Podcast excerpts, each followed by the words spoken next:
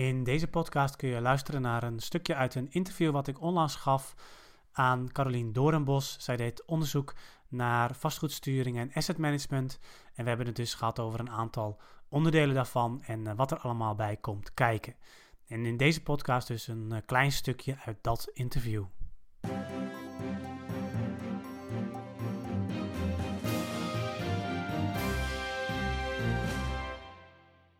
Wat ik ook tegenkwam, zeg maar, is de, de verwachte scenario's. Je kunt van alles nog bedenken. Maar inderdaad, die extra muralisering, dat speelt natuurlijk een rol in de komende tijd. Uh, het aantal scheefwoners wat misschien toeneemt of dat je juist wilt afnemen. Ja. Nou, de overheid wil natuurlijk dat dat afneemt.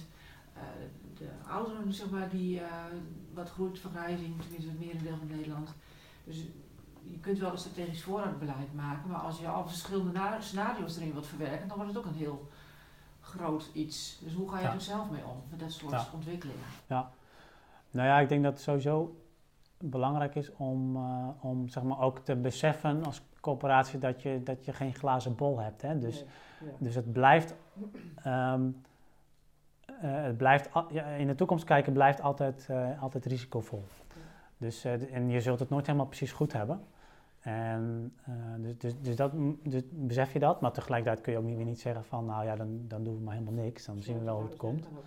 Um, want je kunt, um, kijk, op het moment dat je nu, dat, dat je vandaag een stip op de horizon zet voor over 10 of 15 jaar, mm -hmm.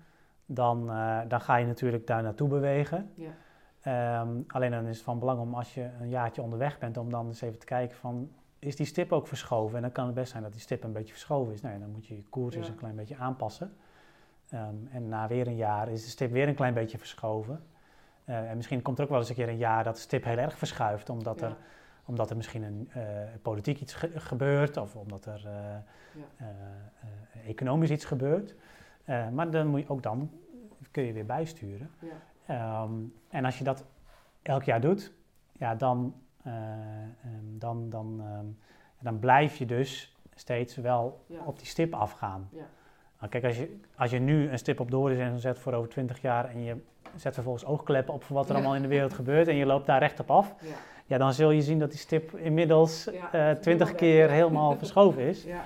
Uh, en, en, um, maar je zult, je zult ook zien dat um, in de praktijk is het ook weer niet zo dat als je nu een stip op de horizon zet en je kijkt er volgend jaar weer naar, dat die dan echt 180 graden de andere kant op staat. niet. Dus, um, maar het is wel zaak om het dus bij te houden en gewoon uh, eigenlijk elk jaar even het updaten. Ja, ja, dat is precies. precies. En ja, wat, wat nog steeds wel veel gebeurt, is dat, dat, dat het echt als één groot project wordt gezien. Uh, en dan komt er zo'n boekwerk. Ja.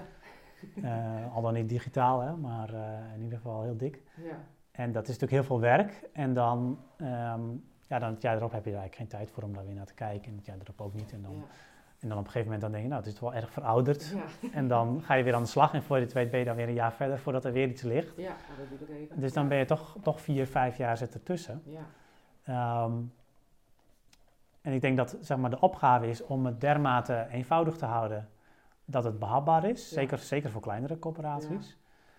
En, uh, maar dat je dus wel, dus dat je het ook, maar dat je het wel degelijk dan ook elk jaar kunt actualiseren, omdat ja. je dan uiteindelijk ben ik ervan overtuigd dat je dan ook minder tijd kwijt bent. Omdat als je, als, je dat, zeg maar, als je dat goed doet, mm -hmm. ja, dan, uh, dan hoef je ook niet elk jaar het helemaal opnieuw te gaan doen. Nee. Terwijl als je drie jaar wacht, ja, dan, ja, dan kun je het in de prullenbak gooien. Want ja. dan is er zoveel veranderd inmiddels dat het niet meer, uh, dat het eigenlijk lonender is om helemaal opnieuw te beginnen dan nog weer dat proberen te gaan actualiseren. Is al net zoveel werk waarschijnlijk. En um, ja, ik, maak vaak de, ik stel vaak de vraag aan een corporaties terug. Als ze mij vragen, moet je het elk jaar actualiseren? zeg ik ja, vaak, ja, moet je je begroting elk jaar actualiseren? ja, dat is precies. En dan is het antwoord meestal ja. Of eigenlijk altijd ja. Altijd, ja. Dan zeg ik, ja, Kijk, en kijk, in je begroting zit natuurlijk voor een heel groot deel, is dat uh, je begroting gaat voor een heel groot deel over uitgaven die te maken hebben met hoe je met je vastgoed wil omgaan.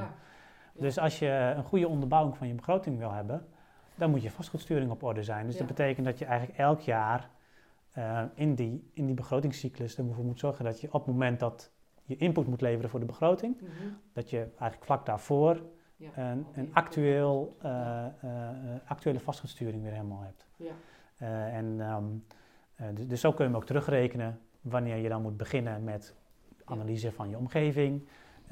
en, en kijken wat er in, in beleidsmatig allemaal veranderd is, en demografisch, et cetera. En welke keuze je wilt maken op, op wensportefeuille niveau, dus op coöperatieniveau. op het niveau van complexen en vervolgens prioritering van wat er dan, welke maatregelen je dan eerst wilt nemen en welke misschien nog wat langer kunnen duren, zodat je dan uiteindelijk ook de input hebt en welke bedragen daar natuurlijk bij horen. Dan heb je natuurlijk de input voor de, voor de begroting. Bedankt voor het luisteren naar deze podcast. Wil je nieuwe afleveringen ontvangen? Abonneer je dan op deze podcast. En kijk ook eens op onze website corporatiestratege.nl voor meer praktische tips en downloads die jouw werk als coöperatiestratege makkelijker maken.